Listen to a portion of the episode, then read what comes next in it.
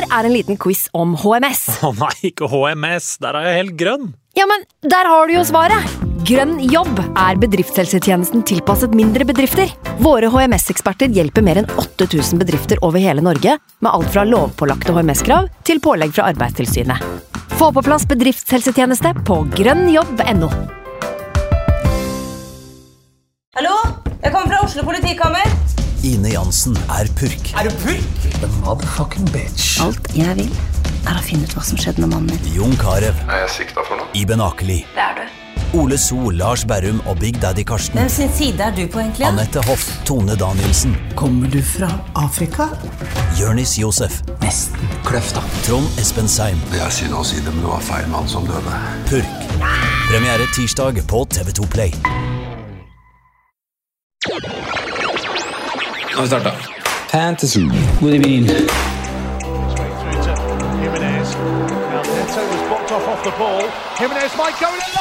God evening.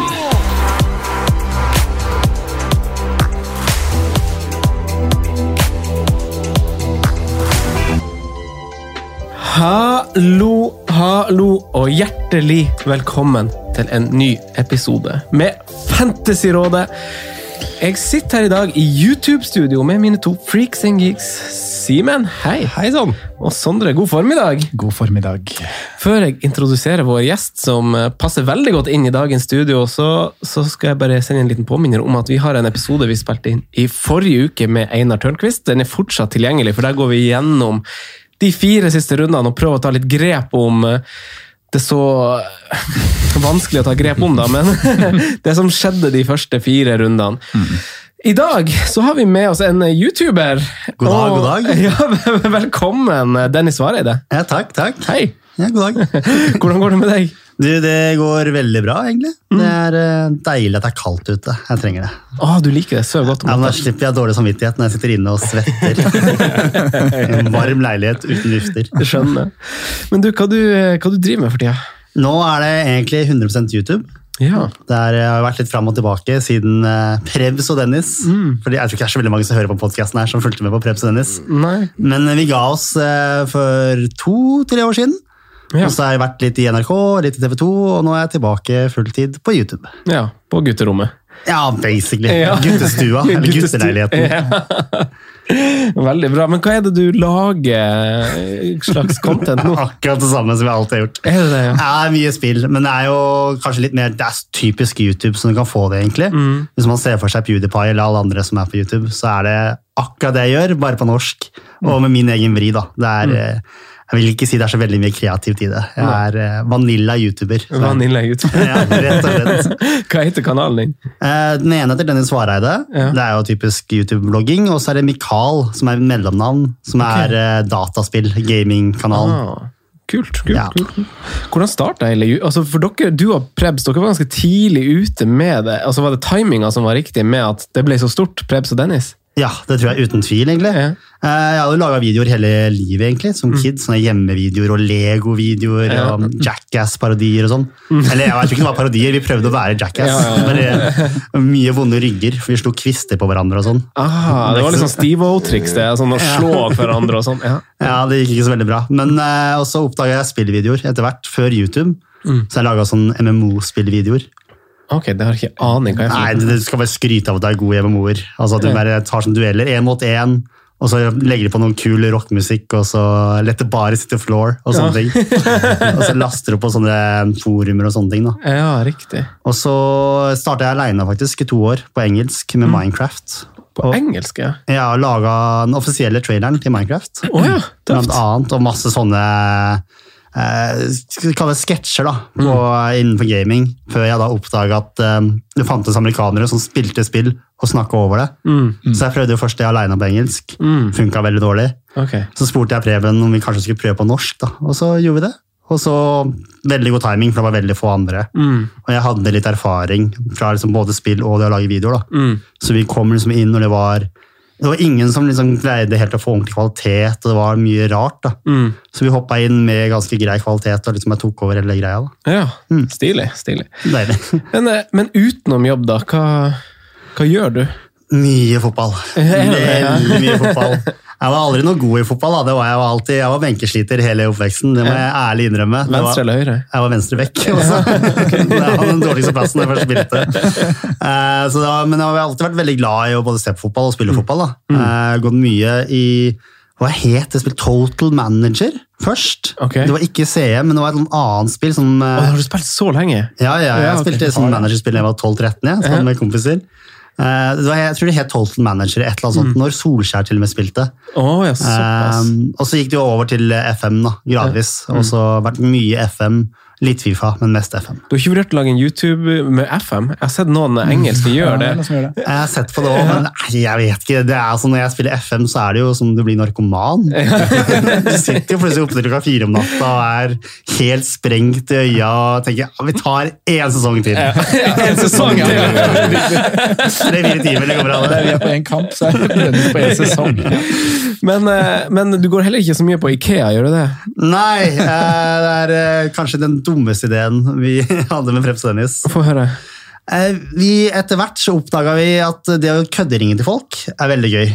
Og kanskje en glemt eh, kunst som vi tok opp igjen på YouTube. Og da gikk det veldig mye at vi ringte inn til arbeidsplasser og lot som vi jobba der og kom syk. Som veldig gøy. Eh, lurte annet Dominos og var ikke måte på. Så gikk det over til at vi begynte å ringe til fastfood-kjeder og sa at vi satt fast på dass. Og ba de da om å sitte på linja, så vi fikk jo de til å begynne å åpne toaletter. og kjempegøy. Og så gjorde vi også det med Ikea. Bare da sa vi at de satt fast i skap. Eh, Så vi syntes det var veldig gøy, og så slo det meg sånn Men hva om vi faktisk drar på Ikea? Det var en veldig dårlig vits også, som vi hadde inni der. Jeg bare advarer. Så vi, putter vi en av oss inn i det skapet der, og så ringer den personen og sier at de sitter fast. Og når da Ikea endelig finner det skapet, så kommer da Preben med sånn hurra-sprett-greie og roper 'jippi, han kom ut av skapet'. det var den billige joken vår. Så vi gjorde det her, da, men Ikea var ikke så veldig fornøyd med det. Så når, eh, når var Ruben som satt i det skapet her, da, en av oss gutta, han, han fikk bare kjeft på telefonen, så han skjønte at det kom til å gå gærent. Så når eh, sinna vakten kom og åpna opp det skapet endelig, så var det 'kom deg ut, til helvete'! Og Preben får ikke med seg det, så han tar den der spretterten på kamera, og så ser jeg bare «Hå!» og så sånn «Hey, Kom ut av skapet! og så ble vi jaga ut, og så fikk jeg streng beskjed Eller alle fikk streng beskjed om at vi får aldri lov til å komme på Ikea igjen. Altså, du bannlyst? Ja. Så deilig. Veldig deilig å slippe Ikea. Jeg tenker. Ja. Jeg var der tre uker senere, da. De la ikke merke til meg. Så. Nei, det, er ikke Ikke sånn der, eh, det er ikke bilde av deg på utsida. Jeg håpa på det, men det var ikke det. Jeg er litt skuffa. Ja. Men uh, i, i Fantasy Premier League vet vi at du er sånn halvveis eh, nyfrelst, Dennis. Men fotball sier du at du alltid har vært uh, tett på. Men hvordan lag heier du på i, i England, da, og kanskje også i Norge? Du har et favorittlag? United, selvfølgelig. Ja, Sheffield United. Ja, jeg skulle, jeg skulle håpe det litt. Det var litt kult å ha et litt mindre lag, men det er jo Manchester. Ja, ja. Av Solskjær da han spilte, faktisk. Ja, faktisk. Så du, er, du er, har vært supporter lenge, da? Ja, siden jeg kan huske, egentlig. Det var jo det beste laget, og det er lett å gå til det laget der. Rett og slett. Ærlig sagt. Har du trua på sesongen, da? Nei, ikke det hele tatt. Nei, hvorfor ikke? Nei, altså Glazers og Woodward er jo én ting, da. Det, er jo, det var jo snakk om å skulle gjøre store kjøp og Sancho og ikke måte på. Det har ikke skjedd noe. Bare veldig skuffa. Noen van de Beek, da, eller Beek. Det er den eneste som er har litt trua på. Resten kanskje telles, og jeg vet ikke. Men mm. ja, veldig skuffende overgangsvindu. Eh, Det var- trengte i hvert fall en Sancho, og det enda mer trenger en forsvarsspiller. Eh, Så det, og så kanskje Solskjær egentlig ikke når opp. Jeg vet ikke, Han har jo et bra nok lag. Nå har det vært en rar start, da, så kan han greie å snu det. Men eh, selv med det laget han har, så burde det her gå og holde til topp fire. Så jeg blir ikke sjokkert hvis han blir sparka før jul. Det tror jeg kanskje også er, altså Jeg vil jo helst ikke at han skal bli sparka, men jeg tror nok det skjer. Og Pochettino er kanskje bedre å få inn, tenker jeg som Kanskje en brannfakkel å si i Norge, men, Nei, nei, men jeg føler at folk er litt splitta der, da. Eh, og det er jo naturlig å ha. Det må være lov å ha egen mening om, Ja. om, om saken. Men eh, Fantasy Premier League, da. Eh, du skrev til oss at du var avhengig. det er- er det litt sånn FM-flashbacks, eller Ja. hvordan, hvordan det, er det? Jeg tenker på det hele tida. Det er deilig med litt sånn landslagspausen og slippe å liksom drive og sjekke laget og vurdere hele veien. Men mm. jeg ble jeg spilte fancy for mange mange år tilbake. En, en halv sesong. For jeg så ikke greia, så kom jeg tilbake i fjor. Uh, gikk veldig dårlig. Uh, skjønte ikke spillet, tok masse hits og wildcard og alt mulig helt i starten. Men halvveis ut i sesongen så begynte jeg å skjønne greia. da, Begynte å høre på podcaster og lese Mm. meg opp og syntes det var veldig gøy. da. Eh, så nå, sesongen her da, blir jo min kanskje første ordentlige sesong. da, da jeg Mm. håper jeg greier en respektabel plassering. Ja, for det er jo litt sånn at man kanskje trenger å trenger litt erfaring med de her chipsene. En ting er at du får det på øret eller leser hvordan du anbefales å bruke det, men å kanskje ha gått gjennom en sesong hvor du har det foran deg og faktisk bruker det, har ganske mye å si. da, men... Og det med hits, som du nevner. Ja. Jeg skjønner at hits faktisk, eller sånn du tenker, ja, fire poeng, det har ikke så mye å si, men Eller 12 eller 18. ja, det blir det. det Det blir der, ja. det, alle har vært litt der, tenker jeg. Men du sier du, du hører på podkaster om Fantasy Premier League, du ser mye fotball. Er det det du bruker, eller bruker du veldig mye statistikk, tabell, tall? Hva er din tilnærming til å gjøre det best mulig? Jeg bruker Reddit først og fremst. faktisk. Oh, ja, ja. Reddit, der er det veldig mye statistikk og tall som folk har henta opp. Mm. Eh, så jeg leser mye det. Mm. og så hører jeg litt på podcaster, og så ser jeg mye fotball. da. Mm. Nesten så å si alltid United, og så prøver jeg å se kamper som, som er storkamper, eller kamper der jeg har spillere. Mm? For å, jeg har lyst til å se om de får de poengene jeg forventer at de skal få. Nei, men Så bra. Sesongstarten, da? Hvordan har den vært? Eh, Jeg kan jo sjekke da og se. Eh, Jeg tror jeg har hatt eh, Skal vi se her da, På Gameweek 1 så var det helt greit med 55. Um, Kappa Auba, det gikk Burde ha kappa Sala, men Auba ga meg 14, da, altså generelt helt greit. Og så runde to, da fikk jeg 75. Da var jeg veldig fornøyd, da, for da var averagen 59. Uh, og så har- gikk det veldig dårlig i runde tre, men jeg tror alle hadde en forferdelig runde da. Da hadde jeg 38. Ja, stemmer. Det stemmer. Eh, men Kappa Werner han er ute av laget nå. Jeg gidder ikke ha den mer.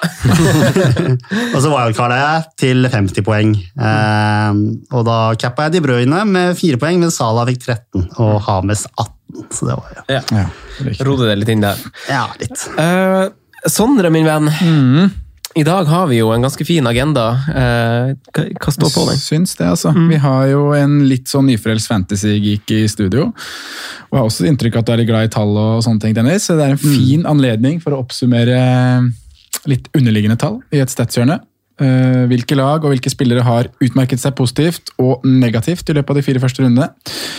Eh, Fint tidspunkt å få en liten oversikt over data. Nå har vi, nå har vi noen runder, noe å se til. Eh, Og det er også fint for de som har aktivert wildcard, som vi også vet er en del. Å få, få litt tall å, å bygge laget på.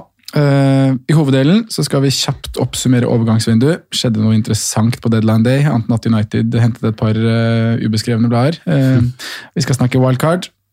Alle har vel satt opp en liste med tre must-haves, eller tre prioriterte navn da, i hvert ledd, som vi skal gå igjennom. Avslutningsvis, før vi tar spalter, så skal vi komme med enkle råd og tips til hva man gjør i en tøff tid. Eh, mange trenger kanskje en påminnelse. Eh, noen er litt nye i spillet og trenger en slags førstegangslærdom eh, i hva man gjør når FPL butter imot. Kan du avsløre noe om konkurransen på slutten i dag? Eller er det hemmelig? Nei, jeg kan avsløre at det er, en, det er rådets spillevalg du sikter til. Ja, ja, ja. vi, skal, vi, skal, eh, vi skal velge spillere og har ikke så mye penger å rutte med. Åh, spennende. Spennende, spennende, spennende. Eh, da kjører vi en, en liten break før vi går videre i programmet. Tar et lite klapp.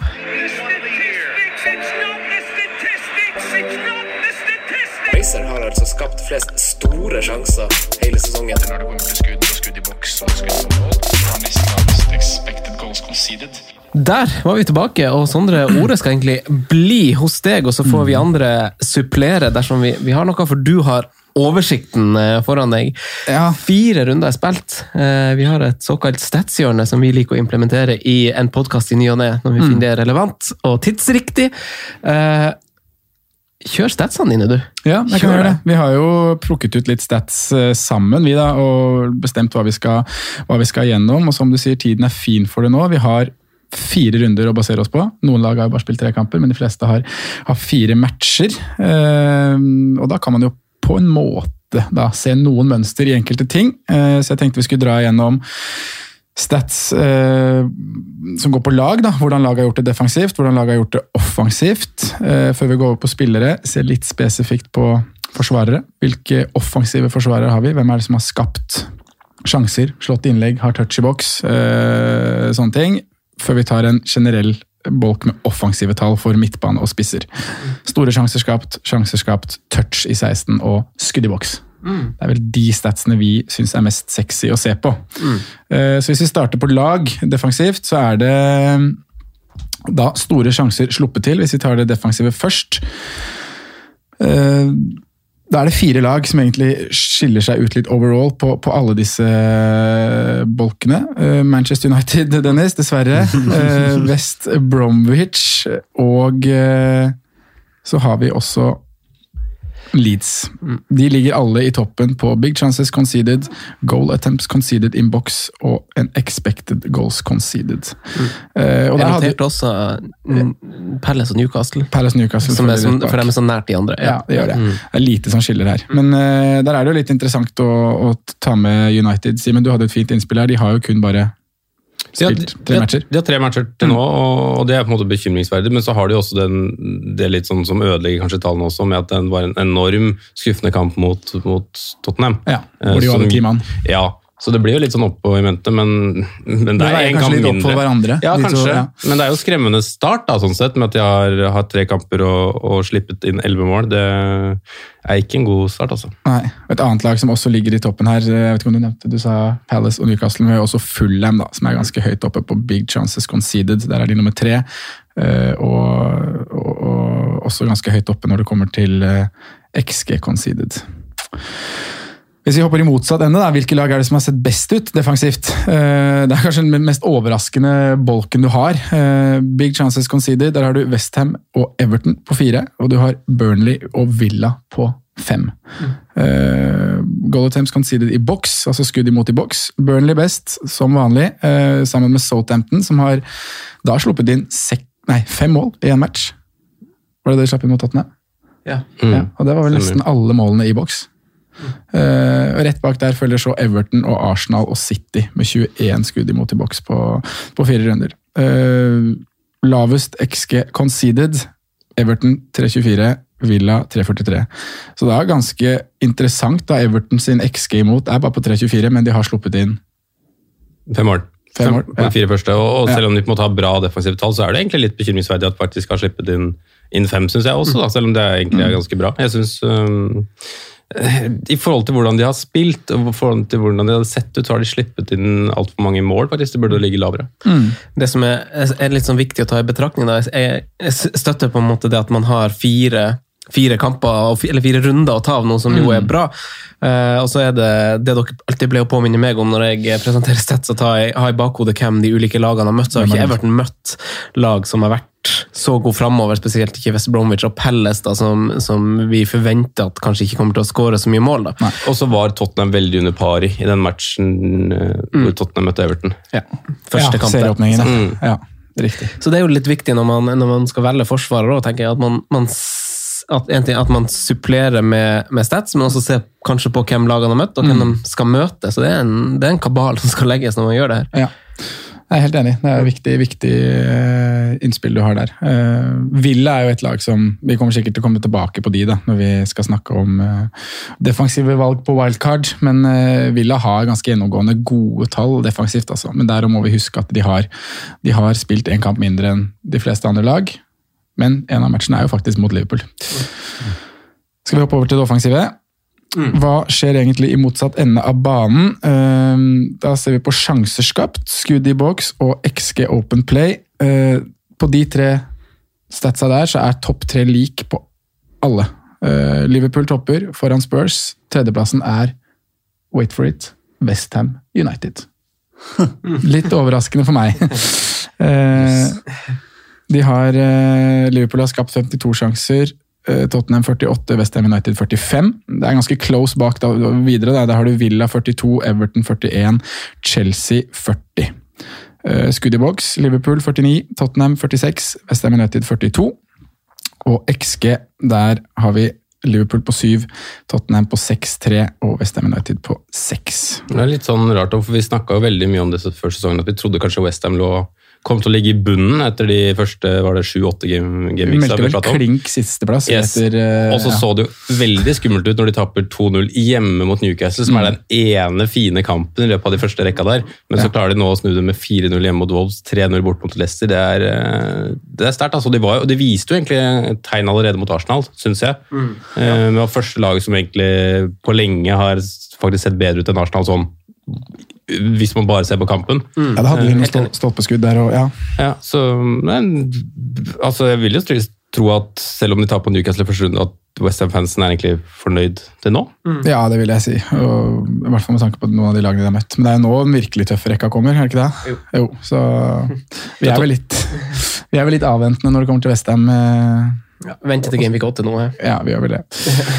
Eh, motsatt, da, hvilke lag skaper færrest sjanser? Eh, færrest skudd i boks og lavest XG Open Play. Der er det klink eh, et lag som troner øverst eh, på alle tre stats, og det er West Bromwich. Eh, de har også en bra overprestering. De er altså på, på expected goalen sin. De har jo 0,97 XG Open Play og har skåra fem mål. Eh, så den er jo, De fleste lag overpresterer jo litt, men de ligger jo ganske bra over.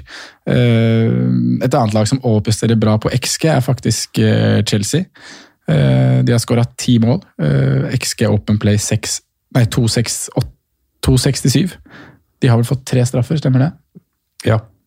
De har brent en og skåra to. Ja. Eh, og egentlig også så ligger Everton ganske høyt over sin egen XG. altså De har skåra tolv mål og har en XG på 5,31 Open Play. Så, så den er ganske høy. Eh, Men West Bromwich, laget som har eh, desidert dårligst eh, offensive tall, og ganske soleklart, men lag som Manchester United, Burnley, ligger hakk i hæl altså, når det kommer til både sjanser skapt og skudd i boks. Eh, så det var egentlig det jeg hadde på, på lag. Så jeg vet ikke om dere har noe å skyte inn, uh, skyte inn på det, eller så kan vi gå hoppe på, på offensive forsvarere. Det meste reflekterer jo litt med hvordan man, man har tenkt, da, kanskje, vil jeg si. Mm. Ut ifra hva man har sett de fire første, dagene, nei, fire første kampene. Men det er jo noen tall som er litt sånn overraskende også. Kanskje først og fremst Westham offensivt. Ja. Eh, Selv om de skåret skåret sju mål på de to siste, så er det litt sånn at de ligger helt der oppe. eh, Ville jeg vel kanskje ikke forventa. Nei, jeg er helt enig. Nei, jeg har ikke så mye å, å skyte inn med. Jeg har bare sett på hvem, hvem som kanskje har altså Sammenligna med hvem som har vært ganske dårlig bakover og sett litt sånn skranglete ut bakover, så, så ser jo programmet lystig ut for, for Brighton og Wolverhampton på kort sikt, som møter en del dårlige forsvar. Da. Så, Ja. så for folk som Men tallene til de lagene der er vel ikke så halvgærne? Hvem da? Brighton og Wolverhampton, var det du sa? Brighton og Wolverhampton møter dårlige forsvar. Ja, de møter dårlige forsvar, ja. ja. Ikke sant? Eh, nei, du må gjerne ta Hvis du har, har spillere å kaste inn Ja, skal vi se riktig på- spillere i riktig lag, og avoids er jo fint å ha med i bakhodet, ikke det? Vi kan se litt på offensive backer, da, eller forsvarsspillere. Eh, der har vi jo noen stats vi liker å se på. Vi liker å se på store sjanser skapt. Vi liker å se på sjanser skapt. Touch i 16 er jeg glad i, og skudd i boks, da, som også da for mange forsvarsspillere blir jo det headinger. Eh, men det er en del kjente navn. Eh, gode, gamle legender som går igjen her. Eh, På sjanser skapt eh, så har vi faktisk Aaron Cresswell altså fra Westham United. Ti sjanser skapt. Eh, Rett over Fredericks, som nå er skada, vel. Eh, Han har ni sjanser skapt. Og så kommer rekka med, med kjente navn. Da har du Trent Alexander Arnold, åtte sjanser skapt, sammen med Reece James og Luca Ding. Rett under der Masuaku og Robertson, fem sjanser skapt. Så Det er på en måte topplista over sjanser skapt på forsvarsspillere.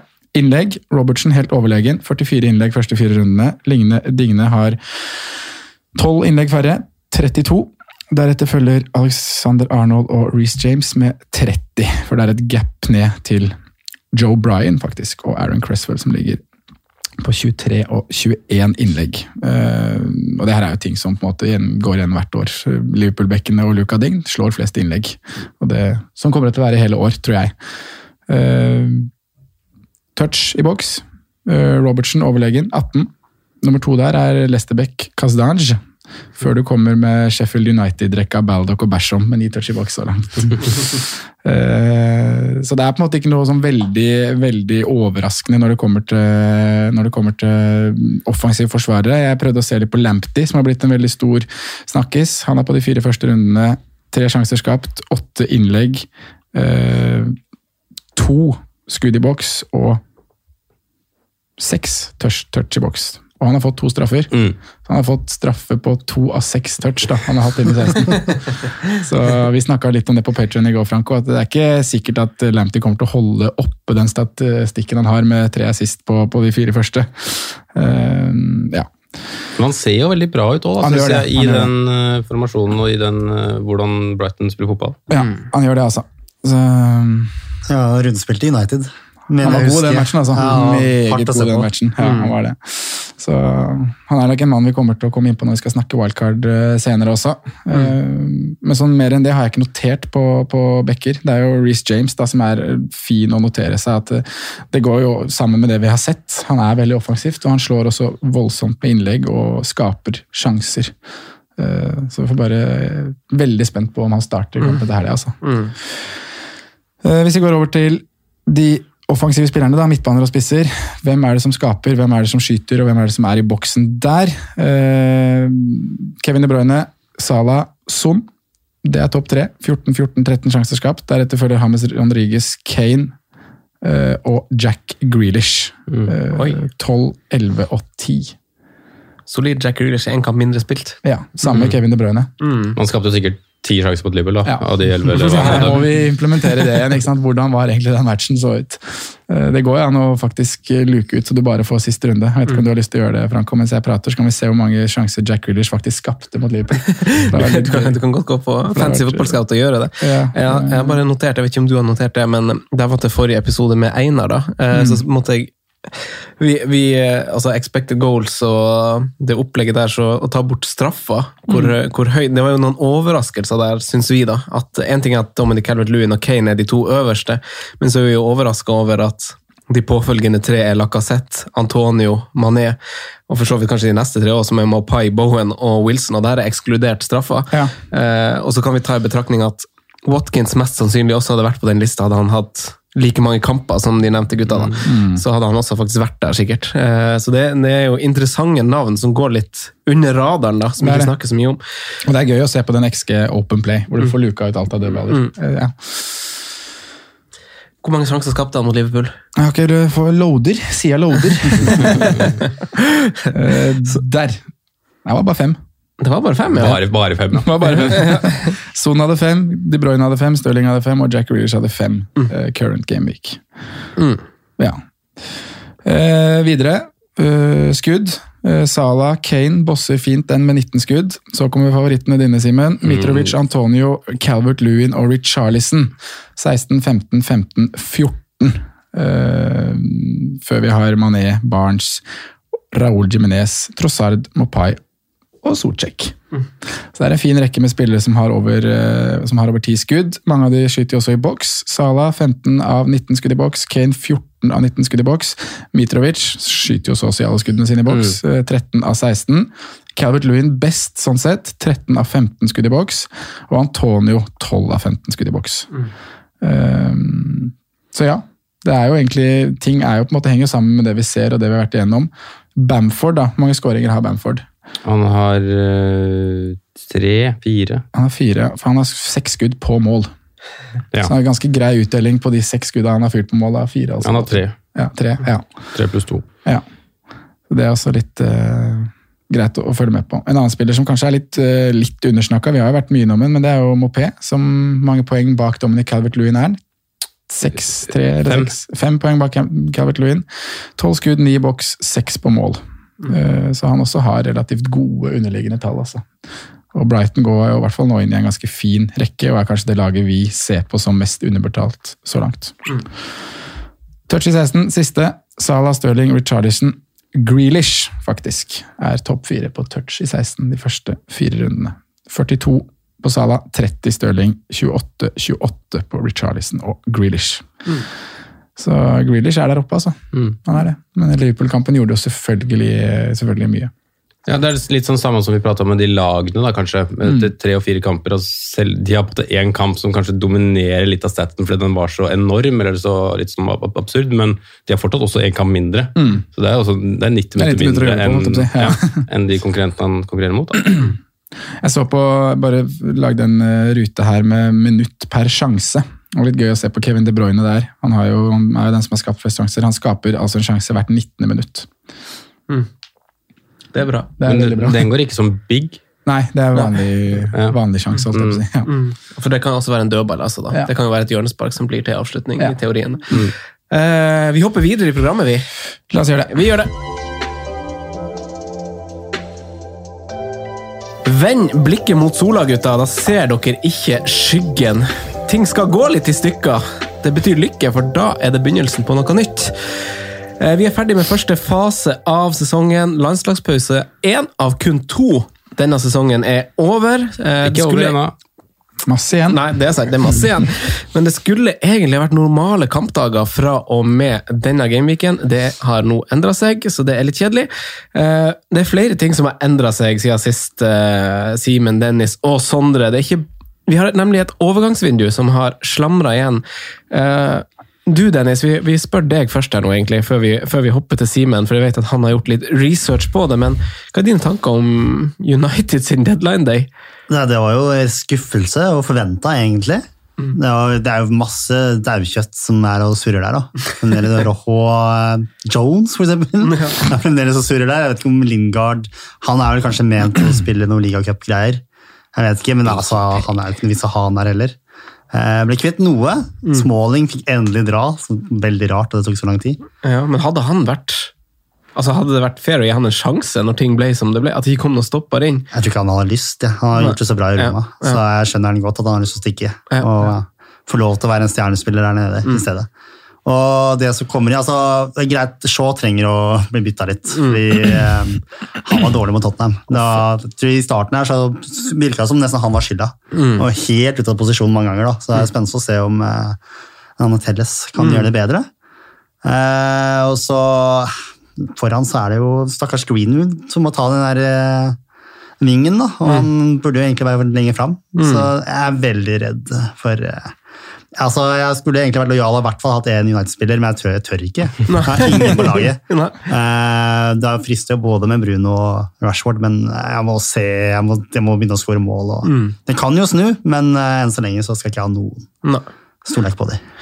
Simen, hva mer fikk vi eh, se på, på deadline? Er det noen nysigneringer i, i Premier League nå som kan vekke interesse for oss eh, fantasy-trenere? Jeg, jeg tenkte jo egentlig at vi skulle starte der kanskje Dennis eh, drev, da, litt i, i United. For den mest spennende signeringen sånn fantasy-messig mener jeg er i United. Eh, og det er jo Alex Telles som kommer inn på, på venstre bekken, som har ganske bra tall. Og alle som har spilt FM, alle vi kjenner jo godt til navnet, selv om vi kanskje ikke har sett den, like mye, har sett den så mye spille. da. Um, så dykka litt i tallene hans. Han hadde en veldig veldig god sesong i Portugal i fjor, med 19 målpoeng på 31 kamper som, uh, som venstreback. Det er egentlig ganske ekstreme tall, men det må legges til grunn der at det er en straffetaker. Mm. Det må legges til grunn at det er en død, dødballtaker. Um, men Elleve skåringer. Elleve skåringer. Ja. Det var vel fem straffer, om jeg ikke tok det helt feil. Ja. Sterkt. satt og titta litt på det i, i går og i dag. Eh, Men uansett, altså, det er en bekk med enorme tall. Eh, Så gjenstår det å se. Jeg tror jo ikke han får straffen fra Bruno Fernandes i, i Manchester. Eh, vil tro han tar en del cornere, eh, frispark. Eh, Det vil jeg faktisk tro. Eh, Og så tror jeg han kommer til å Jeg tror egentlig han går rett inn, jeg. På Luke Shaw til, til neste match. Litt som du sier, hvor svak Luke Shaw var mot, mot Spurs. Og at det egentlig har vært et savn der nå lenge. Altså, det sånn, var litt sånn absurd at Luke Shaw var ute og sa de trengte forsterkninger, og så hadde Stelles nestemann som kommer inn. Um, men det er veldig spennende fyr. Det er en mann med en enorm venstrefot. Når man ser, eh, ser tidligere skåringer sånn. Altså, det er en voldsom slegge. Hva tenker du om de her eh, kantspillerne, da? Eh, altså det, det er jo altså, Folk har jo knapt hørt om de. Kommer inn en fra Uruguay, en fra Atalanta. Eh, alle venter på Sancho, og så kommer det opp to unggutter. Det er jo kanskje på sett og vis litt sånn The United Way, og det er jo spennende, det. Men er det noe man kan se en effekt av allerede nå? Så Kavani sa at han mente at han eh, Pelestri kunne gjøre en impact allerede denne sesongen. Ja, jeg, jeg tror jo egentlig ikke det. da. Jeg tror ikke de har så mye tid og, og mulighet til å gi dem så mye tid, rett og slett. Eh, Da må det bli innhopp øh, og sånn. Så tror jeg det er enklere å ty til f.eks. Daniel James, eh, i hvert fall nå de første kampene for det spilletida. For nå skal jo tross alt Marcial være ute i tre kamper. Eh, Nå var det vel snakk om at Kavani egentlig skal i 14 dagers karantene fordi han ikke opp, oppfyller de der toppidrettskravene med at han ikke har spilt fotball på, på et halvt år. da. Men jeg tipper egentlig de løser det ganske fint, og så er han klar til, klar ganske snart. Um, men ja, jeg tror ikke de kantspillerne kommer til å gjøre så mye denne sesongen her, sånn fantasy-messig. Men det er, det er Telles som er spennende, syns jeg. Tre kamper uh, rakk Telles i Portugal før han dro nå. Mm. Fire målpoeng. Yes. Der ser du. Der ser du, Dennis. Nå bare å glede seg litt. Litt tro. Ja. så du smilte litt i kroken her. Også, men man, man stusser kanskje litt da når det er en 27-åring uh, som knapt har landskamper, men så må man huske litt på hvem som har vært konkurrenten disse ti åra på venstrebekken. Det er tross alt Marcelo. Eh, så, så, så det er jo en spiller som Han kunne jo tatt landskamp for Italia, valgte jo ikke å gjøre det. Mm. og venta på Brasil-muligheten, så mm, ja, det, jeg, jeg, jeg, utelukker den veldig spennende. Selv om jeg ikke har sett den så mye, så tror jeg dette er en veldig god signering. Eh, Vi har flere signeringer. Fulham eh, skal kanskje gi oss masse inn på hvem de har signert, men det er jo et par stoppere. Det er Loftus Cheek, eh, det er kommet inn noen gutter på, på tampen der. Eh, Det var nesten som man kanskje kunne forvente at Fulham skulle finne på et eller annet greier der. Eh, Jeg tror, jeg tror det er signeringer som gjør laget bedre. Ja. Åpenbart. De har plukka ut et par, par posisjoner hvor de virkelig har trengt forsterkninger. Enig i det. Loftus Cheek og han eh, dansken som ikke kommer på navn. Joakim. Joakim, ja. Andersen er vel. Eh, Jeg, syns ut, utelukkende posisjonene er riktig prioritert. Ja, jeg er enig i det. Eh, Southampton, Walcott på lån. Hjemvendt Essen. Ja, ja, ja. Eh, Pickford, Sondre, har fått eh, konkurranse. Ja, den er litt spennende, da. Mm. Det er jo Olsen. Egon. Eh, Egon Olsen har kommet fra Roma. Robin Olsen.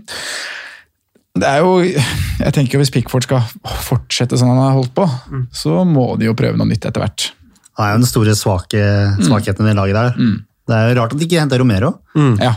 ja. Er ikke det vinduet åpent fremdeles i England? Jeg leste i dag at King var rykta til Jo, men ikke internt i Premier League. Å, ja, det er Ikke internt, nei, championship. Ja, okay, Ja, du ja, hende ja, så King Så King er fortsatt mulig, mulighet å hente. Men eh, ja, jeg er helt enig. Romero burde jo vært Det var vel noen diskusjoner der, og sånne ting, og jeg vet ikke hva som på en måte stoppa akkurat den. Men eh, Robin Olsen er jo en eh, decent keeper, det, altså. Med mye rutine. Har jo spilt en del, ja, både Champions League og, og vært ute i Europa, så jeg tenker jo at det i hvert fall Pickford selvfølgelig skal det satses på Pickford, og Pickford skal stå, men eh, han kan ikke drive og kaste baller i mål altfor lenge før de gjør en forandring. Og da koster Robin Olsen 4-5. Jeg hørte Simen Stamsø Møller, som jo følger Serie A ganske tett, beskriver han jo som en veldig tradisjonell og god Ja, skuddstopperkeeper. Ja, sånn, Eh, ja. det, det lille jeg har sett, er ikke at jeg har sett så voldsomt mye, men han er veldig til å stole på. Han er ikke, han er ikke flaksekeeper da, som er- redder det mest umulig, men han tar det han skal ta. og Han er en helt annen type keeper enn det Ja. Pickford er. Mm. Som er. Pickford er veldig flashy. Altså Han gjør mye ut av seg. Litt sånn unødvendig føles det når han på en måte gjør eh, tabber relativt ofte. Men jeg, jeg tror ikke Robin Olsen, jeg, har ikke noe inntrykk av at Robin Olsen er noen bedre keeper enn Pickford. altså. Nei, jeg tror egentlig ikke det heller. Men jeg Selv tror han kan være stødigere hvis det handler mye om hvor Pickford er sånn Ja. mentalt. da. Så hvis det kan være være perioder hvor han er veldig langt nede, så er Robin Olsen en veldig fin mann å kunne sette inn i en fire-fem kampers perspektiv, for Ja. at Pickford skal samle seg litt og komme, komme sterkere tilbake. Da. Men han holdt vel faktisk Alison på benken den første sesongen sin i Roma, før Alison slo gjennom som Roma-keeper, så det er jo må jo være noe der. Det er helt klart. uh, Wolverhampton de har lånt ut eh, Ruben Vinagre. Den lå i korta. De har signert uh, nok en FM-spiller i eh, Rayan Ait Nouri fra Angers. Koster fem blank. Spiller venstre back. Vi får se. Da blir det konkurranse for Marsala, så får vi se om det kan bli noe omrokering innad i laget der på, på backtreene bak der, og hvem som faktisk får wingbacken til slutt. Leeds signerte nok en 5,5 midtbanespiller, en kant, Rafinha. Eh, Ellers får vi vente og se litt, tenker jeg, på, på Transfer News. Men Simen, jeg vil bare før vi går til denne wildcard og aktuelle spillerpraten Liverpool er jo ramma ganske hardt av uh, covid-19. Eh, Keita, sistemann på, på sjukestua nå. Hvor, altså, jeg Frykter du at noen spillere bare ikke spiller mot Everton? Ja, det gjør jeg. Eh, Mané må vi følge veldig eh, nøye med på hva som er situasjonen der. Nå står det 75 eh, chance of playing. Det tipper jeg bare er at jeg bare er satt nå. De har rett og slett ikke peiling. Men jeg vet faktisk ikke helt hva kriteriene er for at du må, må spille. Men ut fra hva jeg har skjønt, så er han, med mindre måte, han tester positivt igjen, ganske nærme å bli klar til den matchen. Men Keita er jo ute, som du sier, og med tanke på at det allerede har vært nå er det vel fire positive bekrefta tilfeller i Liverpool, så vil jeg kan nesten anta at det er flere òg. Det, er liksom, det er rart å tro noe annet. Så det er et lag som har vært veldig hardt ramma i sesongstarten med tanke på skader og, og koronasituasjonen. Altså. Eh, Dennis, Ja, du har brukt wildcardet ditt. det har jeg. men, det, det, Angrer allerede. Jeg er ikke fornøyd med laget i det hele tatt. men det er ganske mange som også er på wildcard nå, og jeg tipper jo mange av de spillerne du valgte for en runde siden, kanskje fortsatt er aktuelle, egentlig, i hvert fall oppe på, på lista til folk. Men jeg syns det er naturlig at vi vi snakker litt spillere, wildcard-valg, som kanskje også er aktuelle som enkeltbytter. Så folk som ikke er på wildcard, får sikkert lest litt mellom linjene her på, på hva vi vurderer til gode og dårlige bytter. Men vi tar det posisjon for posisjon. Dere har fått heimeleksa i å lage dere lista på hver posisjon.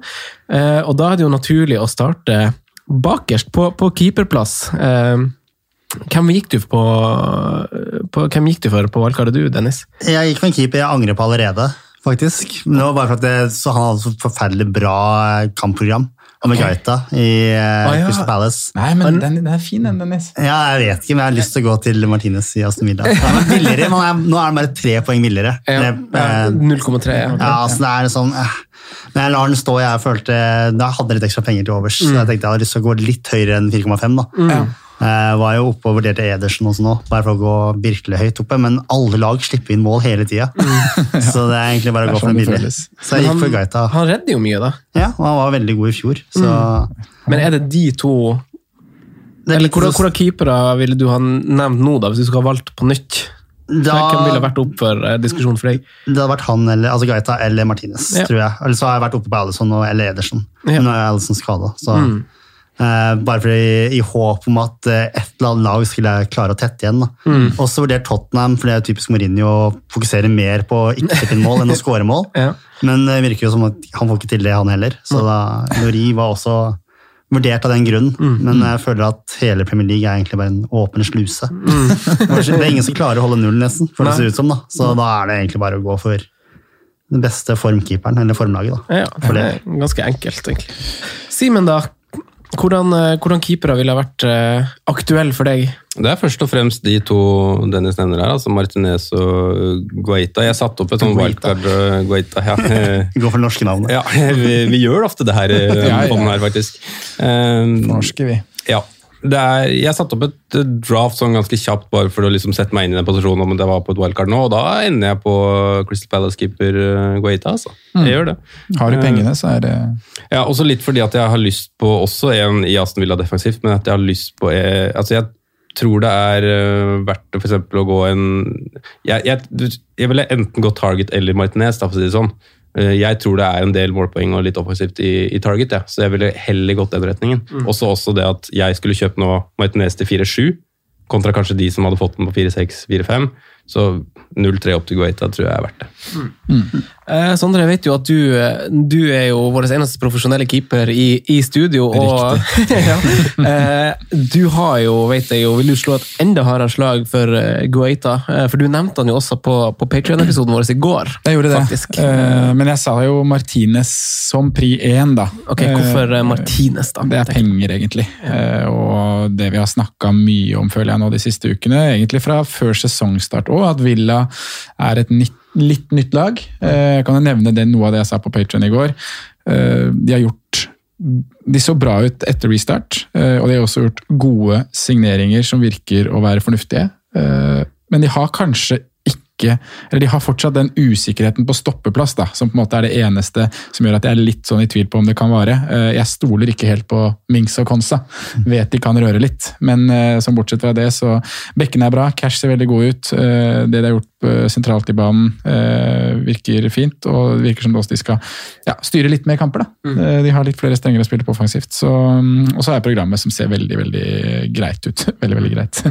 Med Leeds, Southampton, så kommer Arsenal, Brighton, Westham United, Newcastle, Wolverhampton. Det er fine kamper hvor det kan bli en del clean shits.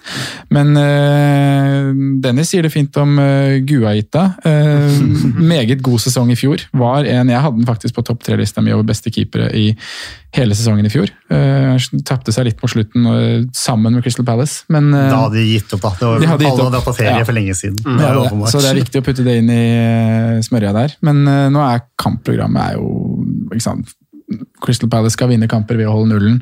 Nå er det Brighton, Fulham, Wolverhampton, Leeds, Burnley, Newcastle, West Bromwich. Eh, Roy plukker med seg noen clean sheets i de kampene der.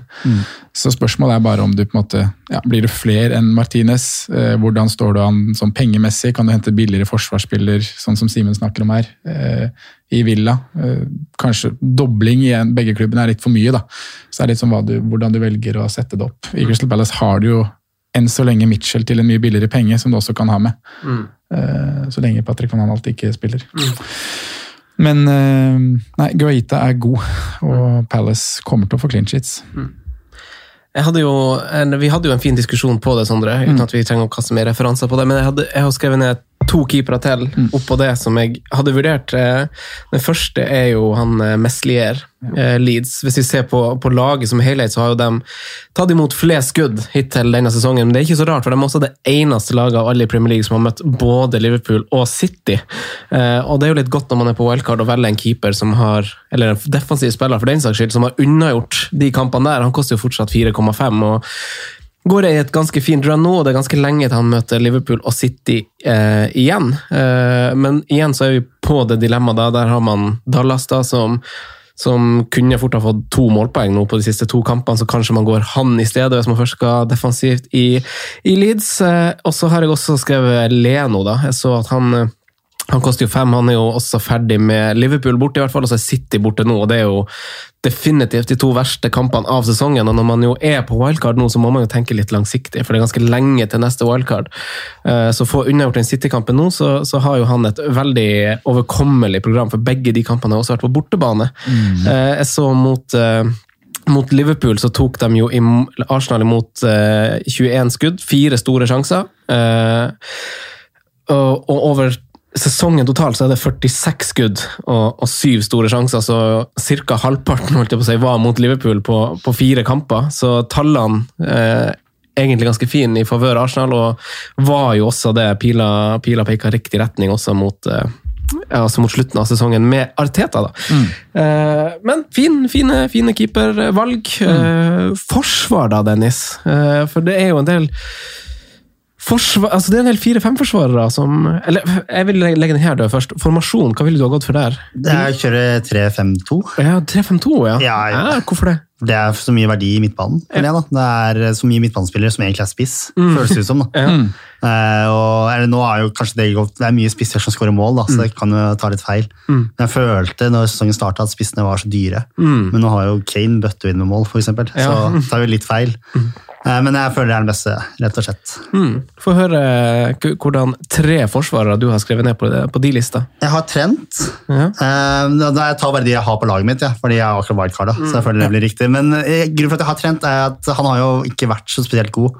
Eh, I hvert fall kontra Robertsen. Eh, men det er, jeg bare føler at hvis jeg bytter han til Robertson, så får plutselig Trent denne kampen, når han får to assists og to mål. Eh, og han er jo fremdeles en verdensklassespiller. Men jeg vurderer å gå ned til Robertsen, fordi det virker som mye lag har skjønt at hvis du går på Trent sin side og angriper der, eh, og at Liverpool har skjønt det, så det er Robertsen som går høyere opp og Trent står litt mer tilbake. Eh, Så kanskje Robertsen er bedre. Men eh, så det er der han er mest lyst til å bytte. Og så er Chilwell. Jeg tror han kommer til å bli veldig bra. Hadde James, men så James skal plutselig roteres, tydeligvis, og da Jeg har ikke lyst til at han skal drive og blanke hver tredje kamp, så da føler jeg at Chilwell forhåpentligvis er bedre. Du satte han på på wildcard før? Nei, jeg bytte, jeg hadde James, og så bytta jeg igjen. Nå, Så du fikk ikke med deg 15-poengeren? Nei. Men da bytta inn James, og så var det ren blank, så da ble jeg dritforbanna. Og så tenkte jeg, jeg gir deg ikke. Så hvis, hvis Chilwell også begynner å roteres nå, så driter jeg i Chelsea. Eh, og så Castagne. Ja. Ja. Så, har jeg to-fire. Jeg har Mitchell og Dunn på fire, men de er egentlig bare benkefyll. Mm. Mitchell Så er det- lever jo litt på, på låntid, men Han han vil jo fungere den nærmeste framtid, vil jeg tro. Ja. Og Dunn er vel så å si ferdig nå, da. Den er den. Ja, jeg vet det. Ja, den er den. Men eh, det blir jo tre, så det har ikke noe å si. Så det er bare så lenge billig. Eh, Simen, da, har du store forskjeller fra Dennis? Eh, jeg er litt annerledes, men jeg har skrevet opp begge Liverpool-gutta. jeg. Eh, Robertson og Trent. Jeg står standhaftig med at de skal ha hele sesongen. Og for så vidt litt enig med Dennis at Robertson har vært bedre i år eh, egentlig, fram til nå. Men tallene Sondre presenterte i stad, sier jo litt kanskje motsatt også.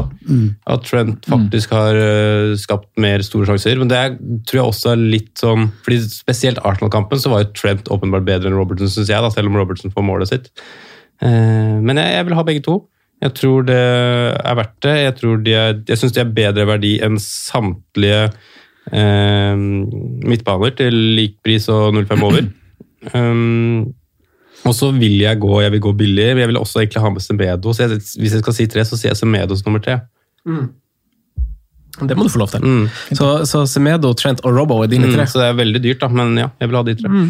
Interessant. Sondre? Ja, nei, Jeg er i samme, samme to klubber som Simen og har egentlig bare én forskjell. Eh, Jeg jo mener at eh, Trent og Robbo skal være med på, på wildcard, og er også veldig fan av det og den ideen, og bare la de stå. Eh, For å bare følge opp det du sa da med at Robertsen eller Trent er foran på sjanser skapt. Robertsen slår flere innlegg. Da kan man jo analysere liksom kvaliteten i innleggene her. da. Slår Robertsen litt mer på mofo, og når Trent først gjør det, er det litt bedre. Så det faktisk blir en avslutning av det. Men så var det også, som du sa i innledninga, at han har jo Robertsen har flere skudd i boks og flere touch i boks òg. Så han er jo i sona som Ja. er farligere Ja. å styre. Han har uh, ganske mye flere touchy og skudd i boks òg, så det er et godt poeng å skyte inn det. Men det er derfor jeg mener du kan ha begge. da. Uh, og Hvis man ser på det litt tilbake til når jeg snakka om lag defensivt, så er jo Liverpool faktisk på fjerdeplass når det kommer til big chances conceded. De har ti store sjanser imot seg.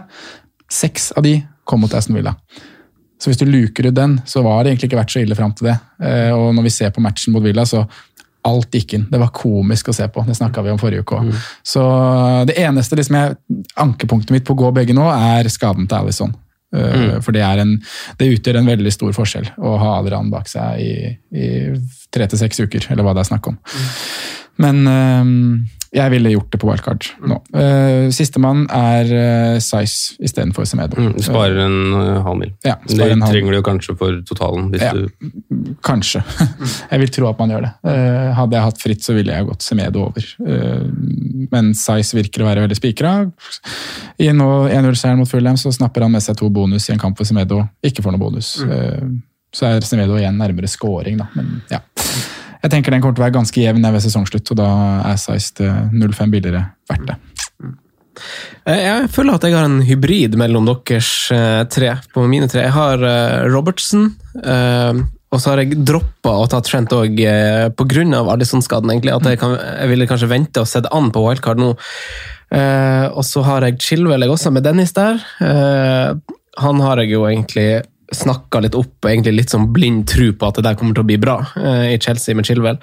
Uh, for Lampard fikk sin mann, det er noe med i historien der. Og så den siste plassen jeg har vært litt mer usikker på. Jeg har skrevet Semedo, men jeg har skrevet usikker i parentes. Litt fordi at han er jo ikke han Matt Dorothy, at man går og ser for seg at det kommer inn en sånn type spiller og skal være som han i det systemet, men eh, det er tidlig også å dra noen konklusjoner etter to kamper, men det jeg har sett av han i de to kampene, er jo at han er ikke en som står og slår inn innlegg etter innlegg, eller er i boks, sånn som Dorothy på samme måte. Han jo, har vært gjennom Barcelona-kverna, han skal slå støttepasninger, tometerspasninger og, og, og den biten der, så han er jo veldig trygg, mer enn hva han er en sånn sjansetaker. Eh, så men igjen så ser vi han er i boks. Han hadde jo den, vel den største sjansen til Wolverhampton i, i den forrige kampen, så han kunne jo ha skåret. Så han har jo en utgangsposisjon som er høyt oppe i banen, så selv om han kanskje ikke er så dristig som han Dorothy var, så, så er han jo høyt i banen. Eh, og jeg, er fornøyd som har han, men om jeg ville ha valgt han på wildcard, eller heller spart 05 og gått Saiz, det kan faktisk godt hende dersom det hadde liksom løsna floke andre steder i laget, da. Eh, vi hopper opp til midtbanen, vi, Dennis. Eh, nei, eh, eh, forresten, vi, vi, ingen billigforsvarere på oss her. Det, altså, vi har jo ganske mange Du, du gikk jo Ja, inn fire, da. Men, men hvis du skal vurdere fire-fem-forsvarere, da? Ja, Ja, begge Leeds der, men Ailing og Dallas. Ja. fine. Jeg vurderte de, men så så jeg første kamp. Eh, og Leeds var dritgøy å se på, og de er jo langt oppe. Men eh, ikke, i forhold til championship, da, at eh, de møter jo betraktelig bedre lag. Og den Bielsa-stilen er jo veldig gøy å se på. Men jeg, jeg vet ikke, nå har ikke jeg, har ikke noe tall, da. Det er bare på mine egne øyer. Altså, virker sånn Jeg tror de kommer til å skåre mye mål og slippe inn mye mål. Ja. Min egen teori, i hvert fall. Jeg er helt enig. Jeg syns uh, Leeds er et lag du skal holde deg langt unna defensivt. Defensivt. Mm. Ja. Ja. Og offensivt så har de jo overprestert, det har vi også snakka om tidligere. Ja, altså. Bamford. Ja. Jo, sleit jo. Altså, nå har ikke jeg sett Championship, da, men jeg har lest at han var eh, for mye pes for å ikke skåre åpne muligheter. Nå treffer han jo på i hvert fall nesten, ja, 50% av det han skyter på mål. da. Uh, Men Bamford også er en favoritt av Bielsa, vi må huske det. Altså det er, han jobba nøye med å finne den riktige type spissen sin. Det er Bamford som løper og kriger og styrer på alt. Og det er litt av greia der også. At han skal gjøre den jobben her, ikke nødvendigvis skåre 30 mål. Åh, Det er egentlig ganske kult. Eh, men eh, Vi har jo nevnt da, Target, vi har nevnt Lemty, vi har nevnt Dallas. Er det noen dere vil skyte inn med, gutta, som, som kan være aktuelle i eh, den billigere klassen i en rotasjon gående framover, Sondre? Nei, egentlig ikke. Eller er vi fornøyd med de? Altså, jeg jeg syns jo jeg står fint med, for eksempel med James Justin i Leicester. Mm. Ja. Selv om de på en måte har vært litt shaky defensivt, så er det jo en mann som allerede har, har ett pluss ett og har vært nære flere målpoeng. Jeg, altså, jeg syns jeg så egentlig ålreit, men det er litt sånn tricky Da må du se litt mer på rotasjonen din i Forsvaret, hvis du skal ha inn en sånn. Matt Target som jeg nevnte, syns jeg er spennende. Ikke så veldig mange andre. Det er en veldig fin rekke på Burnley nå, da. Eh, Charlie Taylor kan vel kanskje kastes inn, men eh, igjen så har det kanskje ikke sett så all verdens Nei. eh, stabilt ut. Men Men, fine, fine tall som du presenterte da, Ja. på, på Burnley. ja, og det er sånn det alltid er. De kommer alltid til, alltid til å slippe inn færrest skudd i boks. lar, Men husk at de har spilt med Dunn og Kevin Long som stoppere. Ja, det har det. Ved unntak av én kamp hvor Tarkovskij var tilbake. Og nå er vel Tarkovskij og Mi straks tilbake, og da blir det det andre boller, tenker jeg. Så da er det plutselig kanskje litt verdi i Charlie Taylor igjen. Ja, det kan være det. Mm. Og Da er det West Bromwich i neste kamp, før det er to relativt tøfte igjen. Mot Tottenham og Chelsea, men så kommer Burnley, nei, Brighton og Palace etter det. Så Fint program, egentlig. kastes inn i det. Ja. Eh, vi hopper til midtbanen, Dennis. Du snakka om eh, fem mann, men hvis du skal nevne tre som er først på blokka, ingen diskusjon. Hvem er rett inn der? To veldig åpenbare i Sala og De Bruyne, da, føler jeg. De må nesten inn. Og så ville jeg tatt Hames Rodriguez. For jeg føler han er både billig og føler føles som han er kanskje hovedgrunnen da, for at eh, Se bort fra Angelotti, da. eh, Til at Everton eh, plutselig var definitivt topp fire-kandidat, men kanskje til og med tar det helt av i år. Jeg syns de ser helt ville ut. Ja, de gjør jo det. Og ja, Var det 7,5 han kosta? Jeg husker ikke, eller var det 7? Men det var, var altfor billig. 7-5 og 7-8 nå. Ja, ikke sant? Så eh, Hames sa det, bare fordi det er altfor billig. Han kommer til å score mye. Tror du det? Ja, eller Fader. Sist han kommer til å skåre mye poeng, det tror jeg. Ja. Eh, så jeg har veldig bra på han, så lenge han ikke blir skada. Ja, for vi har jo vært så, så tøff slash dust og uttrykt litt, litt skeptis, skepsis til det. og dratt, Eller i hvert fall jeg, jeg kan ikke, kan ikke dra dere med i dragsuget her, gutta, men jeg har jo vært dratt litt sammenlignet med, med James Madison og sånn. At, at det er en spiller jeg føler at er ganske effektiv når muligheten byr seg, men at jeg ikke vil bli overraska om det vil bli ei, ei rekke med topoengere også, fordi at han fordi at han kan ha posisjoner i banen som er litt dypere. da. At han ikke alltid vil være sånn som han var spesielt i forrige kamp, da, hvor han får to tap-ins. Eh, Jeg tror ikke vi får se mye av det. Eh, Men eh, han er såpass god som fotballspiller at eh, de avgjørende pasningene, og når han først kommer til skudd, så tror jeg kanskje det kommer til å bli ganske farlig. da, så i mai, når sesongen er ferdig, så tror jeg han står ganske høyt. Men jeg tror også det kommer til å være perioder hvor man kanskje er litt frustrert eh, hvis man eier han og, og forvente litt mer. da. Ja, det er mulig, men da jeg lar den bare gå opp i pris. Jeg, så, Ja. jeg, har hatt Son, men det er, liksom, det er Mourinho og alt de greiene der. Så, men jeg, kanskje jeg burde angre litt på at Son ikke er på laget lenger. Jeg det, Son har vært vanskelig i år. det er interessant, det er jo- Men kan ikke du nevne dine tre, Sondre? Jo, jeg har de to samme som eh, Dennis eh, først der, Sala og Kevin De Bruyne. Og jeg er veldig glad for at Dennis sier Kevin De Bruyne, for jeg ser jo at det er, det er mange som kaster den. Eh, I snakkende stund så er han byttet ut av eh, godt opp mot 300 000 spillere. Men det var rykta skade, jeg leste det i stad. At han ble bytta ut for Ja. Belgia. Ja. Men nå var det en føling eller noe, Ja. så kan det være derfor. Jeg vet ikke. Ja, men Før det også har han vært veldig Jeg tipper det er veldig mange som har gått Kevin De Bruyne til Son etter eh, de to siste rundene hvor Kevin har gjort null og niks, og hvor Son da har sett meget god ut den første 45-en mot Newcastle, hvor han ble bytta ut, og da med to skåringer og sist mot, eh, mot United. Så, men det er jo tredjemannen min. Jeg mener at du må klare å få plass til alle de tre på wildcard nå. Du klarer Salah, du klarer Kevin og du klarer Son. Um, vi har jo klart det, vi, Franco. Vi har satt opp et lag hvor det, hvor det gikk. Uh, Så jeg mener at det er de tre spillerne du prioriterer på, på midtbanen. Uh, Ja. Enkelt og greit. Ja, men Da hopper vi Eh, til synes Siemens prioriterte. Jeg, jeg, jeg, jeg, bare, jeg bare skyter inn med at jeg har akkurat de samme tre Ja. som deg der. Mm. Men jeg synes jo Hames er, Det er jo veldig bra at du drar ham fram, og vi er som Jeg henger meg jo på den, Den, den eh, Det går er- nedsnakkinga. Jeg bytta han rett inn etter første runde, jeg er veldig fornøyd med det. Ja, det er jo, det er jo, det er jo helt riktig timing òg. Det det da hopper du på toget. Ja, så spørsmålet er bare om jeg, Det er kanskje det jeg føler, da, at jeg sitter og føler at jeg er for sein til festen. Mm. At, ser eh, på- at han hadde de to høye toppene. Hvis vi ser på tallene hans også, så er det han skaper veldig mye sjanser. Tolv sjanser skapt, det tok vi i stad. Eh, Det er bare bak Salah, De Bruyne og Son. Eh, Men han har tre skåringer så langt. Han har fire skudd på mål. Eh, To av de er tap-ins. Ja. Ikke tap-ins, men det er skudd på bakle. Ja. Og han har seks skudd i boks og ti skudd totalt. Så det er jo et stats som er oppe der, men veldig effektivt på de skuddene han faktisk treffer mål på. Så målene er effektive, men mm. assistene er berettiga. Mm. Hvor mange er den siste har han? To-tre?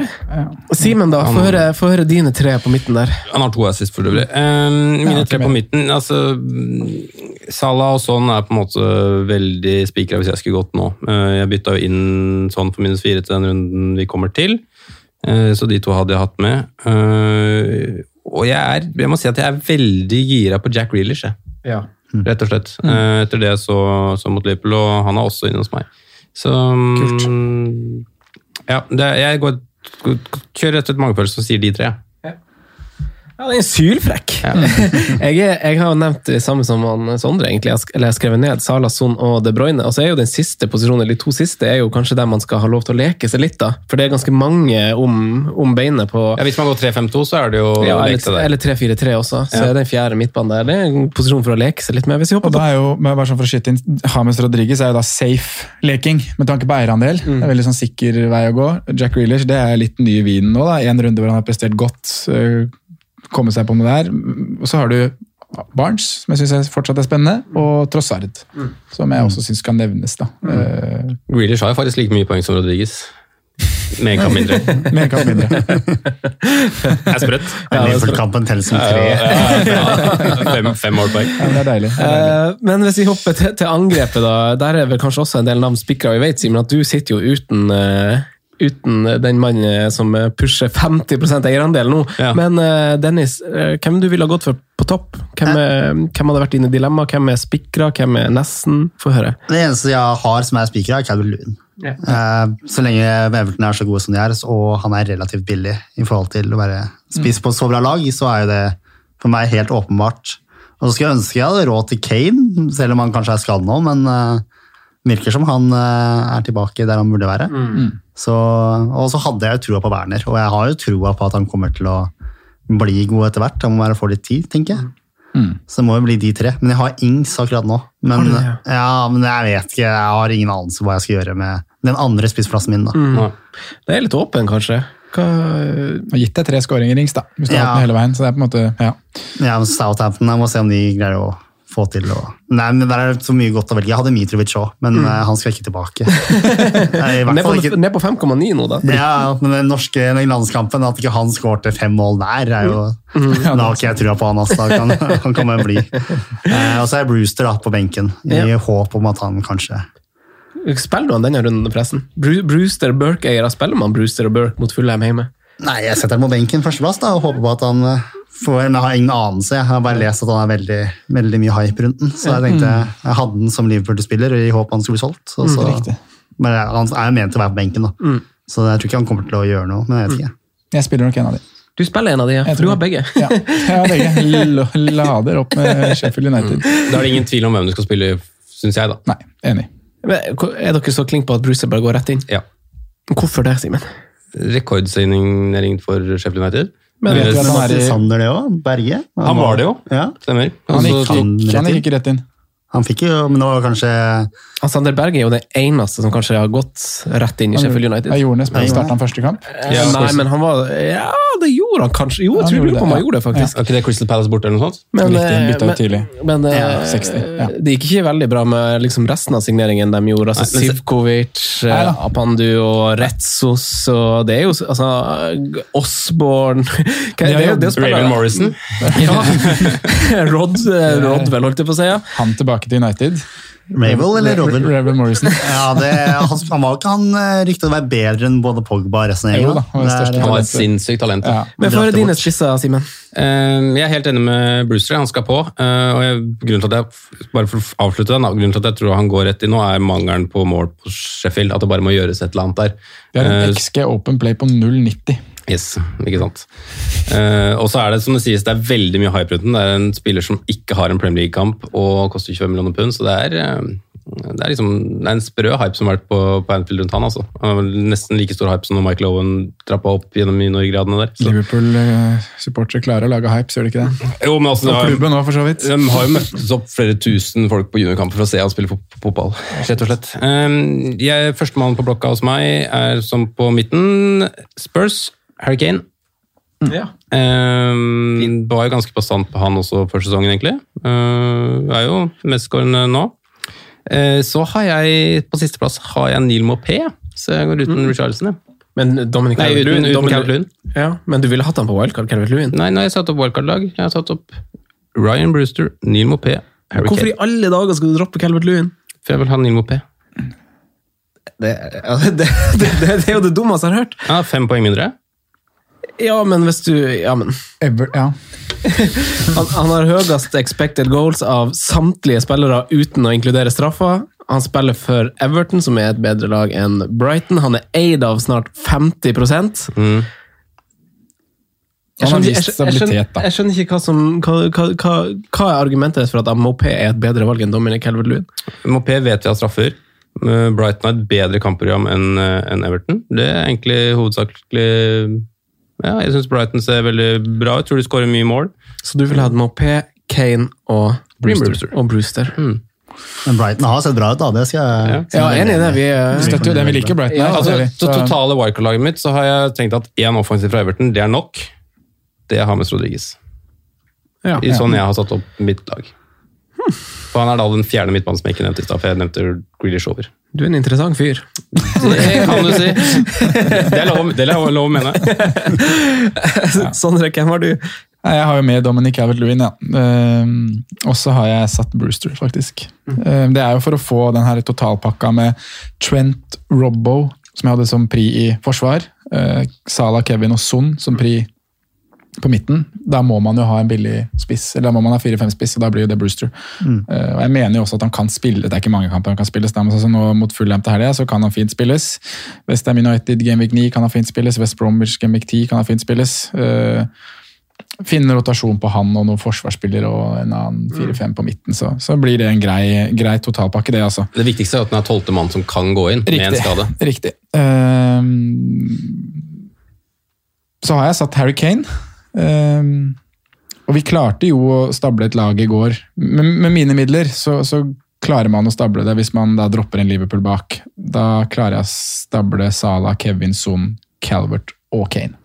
Eh, og det ville jeg prøvd å få til, men det er egentlig vurderinga om å ha dobbel Liverpool bak eller Kane på topp. Hvis jeg ikke skulle hatt Kane på topp, da, så er jo da er det en joker i form av Mopé, som jeg er helt enig med Simen. Veldig fint valg og fin joker å gå for. Eller Watkins, for jeg ville egentlig hatt med Novilla. Uh, og har sagt at jeg ville valgt Watkins over Jack Reelish, rett og slett pga. pris. Uh, og fordi han har en skåringshistorikk som er veldig god. Dog i championship, men han kommer til å få sjanser i Premier League. Ja, jeg syns den er vanskelig. Jeg har også, ja, har han på blokka. Watkins. jeg har også Dominic Helvet Lewin, eh, og så syns jeg de jeg, jeg, klarer ikke, jeg klarer ikke å bestemme meg for uh, hva jeg skal synes om han Brewster.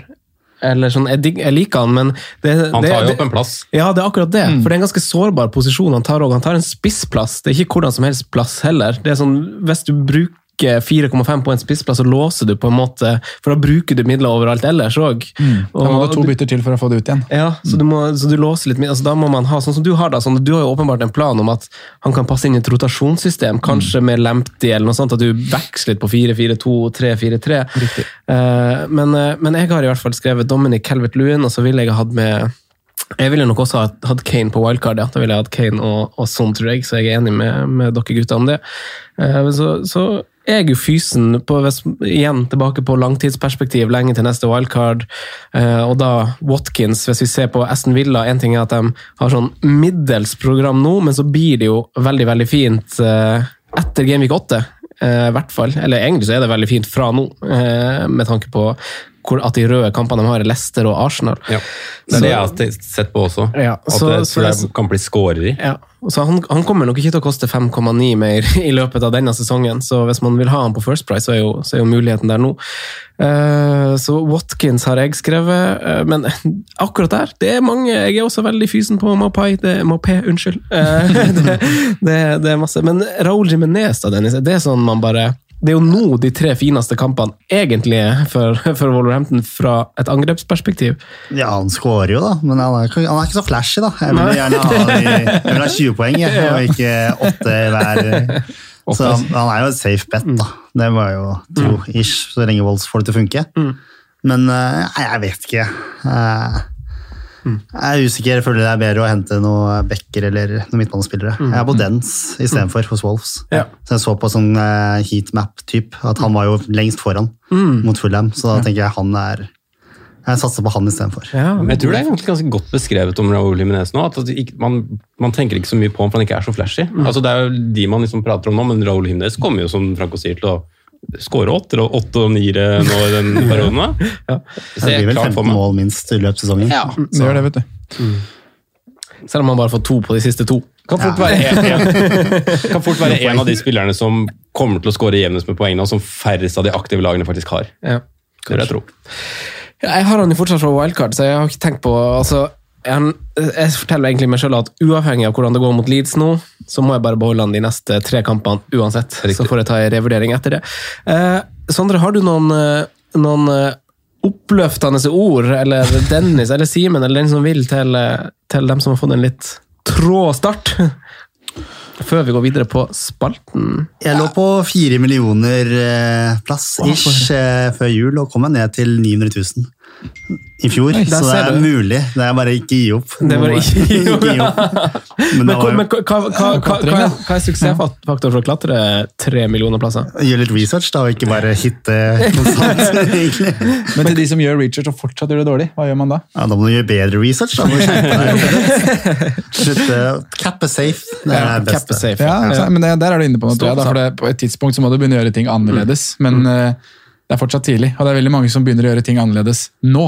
Ja. Og de går det jo som regel nedover med. Ja, Eh. Så hvis du bare fortsetter å spille relativt trygt og gjør det massene gjør, så tror jeg det vil gi en gradvis klatring. da. Eller kopier Magnus Carlsen. Det er Det også er jo en veldig fin plan. Min eh, yngre bror er med for første år på Fantasy. Han er glad i fotball, men han bryr seg ikke om Fantasy. Men han bare kopierte Magnus Carlsen. Og han leder gruppa nå. Gjør han det? Ja, Ikke sant? vår minileague, så irriterer vettet av meg. Spørsmålet er hvor artig man syns det er. han synes det er veldig gøy. Ja, han synes det er åpenbart. Nei, Det enkle å si er jo at det her er et maraton, det er ikke en sprint.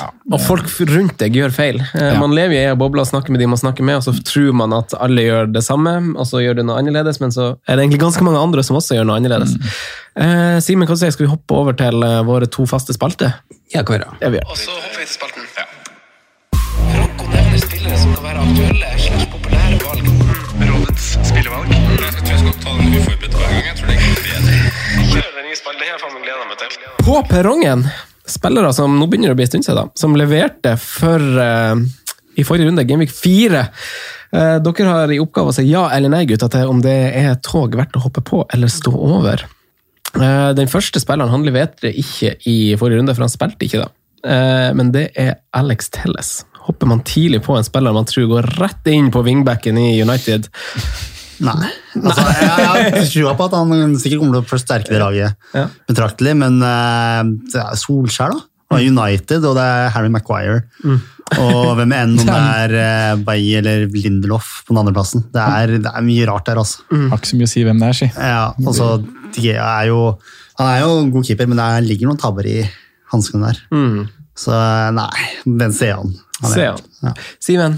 Jeg er litt fysende, jeg. Jeg må si det. Men øhm, jeg syns egentlig programmet er ganske fint, jeg. Øhm, men jeg er også litt sånn usikker ut fra hva jeg har sett av de i år, altså. altså sånn defensivt. Helt enig med, med Dennis der, altså. På, på, spesielt på det midtforsvaret. Det ser ikke bra ut. Men um, jeg, jeg tror han blir verdi. Men nei, jeg må si nei. Jeg er jo litt motsatt av Simen der, for jeg syns jo programmet er ganske dritt. Jeg, da. Eh, Newcastle borte er ikke noe lett, og så kommer Chelsea, Arsenal, og så er det formlag Everton. Så mm, det er grått i appen her, men jeg mener det er nesten fire Newcastle er ikke rød, men de tre neste er vanskelige kamper, eh, selv om det er hjemme. Så eh, klart nei, men watch, watch, watch Protelles. Enig der. Eh, sist, nei, siste. Andre. Jack Grealish, Dennis. Ja eller nei? Ja, altså, det er jo Liverpool-kampen, da, men uh, det var jo hva skal jeg si, mye bein inn der. Og altså, han var jo dritgod i fjor òg. Mm, men ja, eh, ja, hvis, ja, jeg hadde, håpa på, jeg. Mm. Jeg jeg skulle vurdere han selv. Jeg må se, men ja. ja. Enig i det. 7,1 kosta nå, Simen. Ja! eller nei? Ja! Ja, ja, Sondre. ja, ja, ja. Ja, det Så, dere, så dere bildet etter England-matchen? Man of the match? Jack. Ja, Så dere bildet av han? Med Sto og flasha, ja, klokke og England-trøye der. Og Han er så britisk så du får det, ass. Ja, men han er så, er så stil! Ja. Jeg så, jeg så noen som la, la inn et bilde av han Erik Soler, eh, at det ligna på yngre, yngre varianter. Eh, Erik en spiller som har levert jevnt og trutt denne sesongen, eh, gutta, eh, som allikevel har sunket i verdi. I år som i fjor, Callum Wilson er nå nede på 6,4. Er det et ja eller nei til, eh, til Newcastle-spissen som vi ikke har nevnt for mye? Newcastle, selv om det er, det er bedre i år, da. Er ikke det alltid være sånn tullelag som bare og surrer på 15.-14. plass? Eh, nei, jeg hadde ikke gjort det, men, da må jeg, men jeg, jeg ser ikke så mye på Newcastle, så jeg veit ikke. å helt ærlig. Nei. Så da går jeg nei. Jeg sier nei, jeg òg, men jeg har jo vært, uh, vært innpå der. Jeg har jo nevnt at han har, har vært innom laget mitt, selv om han ikke har vært inne i en gameweek. Mm. Han var innom før runde én, så Nei, jeg, jeg, jeg sier nei, altså. Jeg, jeg gir grønt lys, jeg. Gjør det? Mm. Ah, Det likte jeg. Jeg bare likte ikke kampene så godt. Men jeg, neste kampen er jo krem. United hjemme. Ja. så så Det er tre mål, Bort, altså. Everton. Ja, så er det Wolverhampton som er tøff, men så, ja. Eh, neste spiller eh, det her må jo ses i lys av et vindu som har eh, nå blitt lukka, og kanskje beste prestasjon under nåværende trener i Hector Beirin til fem blank i Arsenal, eh, Dennis. Spiller han fast, da? Jeg har ikke sett så mye Arsenal, men eh, eller gjør han det? Skal vi se, jeg tipper jo han starter 34 kamper i Premier League. Jeg tror på Arsenal. i. Eller så, men at det er sånn at han kan bli bytta ut typ Nei, det, Nå tok jeg kanskje litt tid. 30 kamper starta han. 30 kamper starta han. Fare for rotasjon, da. Men jeg ja, Jeg Cedric på kommer til å spille inn litt, tror jeg. Og komme inn i noen kamper etter liksom 65-70 minutter. I hvert fall hvis han spiller litt 3-4-3, så Jeg har tatt Tierney istedenfor, jeg. Så jeg sier nei. Ja. jeg er enig. Enig. Ja. Ja, ja jeg er enig. Eh, Sondre, nå gir jeg ordet til deg. Yes. eh, litt eh, spillevalg igjen. Vi har eh, Vi har jo en spalte, Dennis, hvor vi, eh, hvor vi gutta får lov å velge litt eh, valg for hver runde. litt ulike oppgaver. Eh, denne gangen her så skal vi ha tre spillere. Én i forsvar, én i midtbane og én spiss for kommende runde. Og vi har 17,5 millioner å handle for. Mm, eh, Franco, har du lyst til å gå først med din forsvarsspiller? Åh, det her er artig! Fordi man, Enten kan man spre midlene litt, eller så kan ja, men, ja, ok, jeg skal ikke. Jo, Eh, men du enten kan du spre midlene litt og banke innpå igjen, eller så kan du Ja, for Jeg har hatt noen varianter, og den første jeg hadde eh, her For det, det er jo åpenbart en viktig konkurranse, for det er konkurransen vi har Ja, innad. og vi fører jo poengsum og sånne ting. Ja, ja, ja. Eh, så Jeg hadde jo Jack Robinson først for 4,4, for jeg sats- satsa på at det skulle være en liksom billig sekspoenger. Men, uh, men jeg droppa han og satser litt høyt, så jeg går, går eh, Chilwell. Du går Chilwell Ja, til prisen av 5,6. Chilwell. Å nei! Er det sant? 5,6 på Chilwell, begge to. Ja.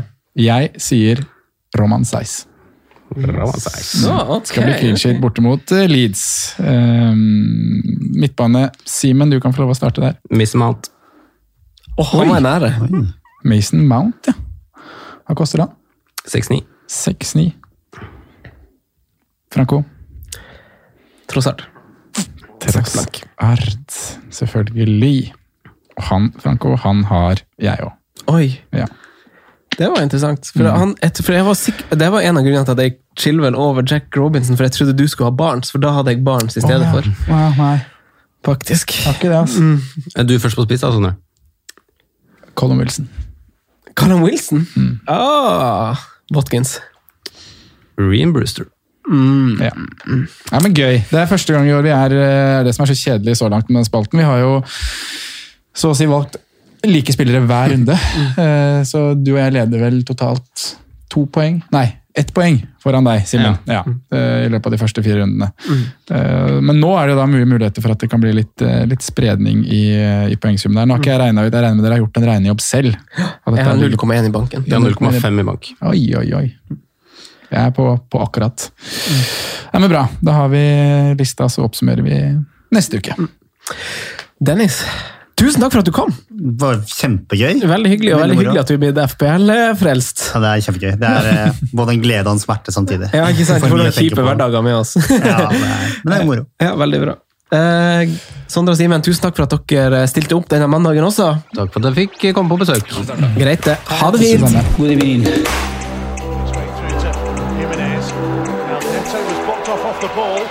Jimenez might go in alone. God evening.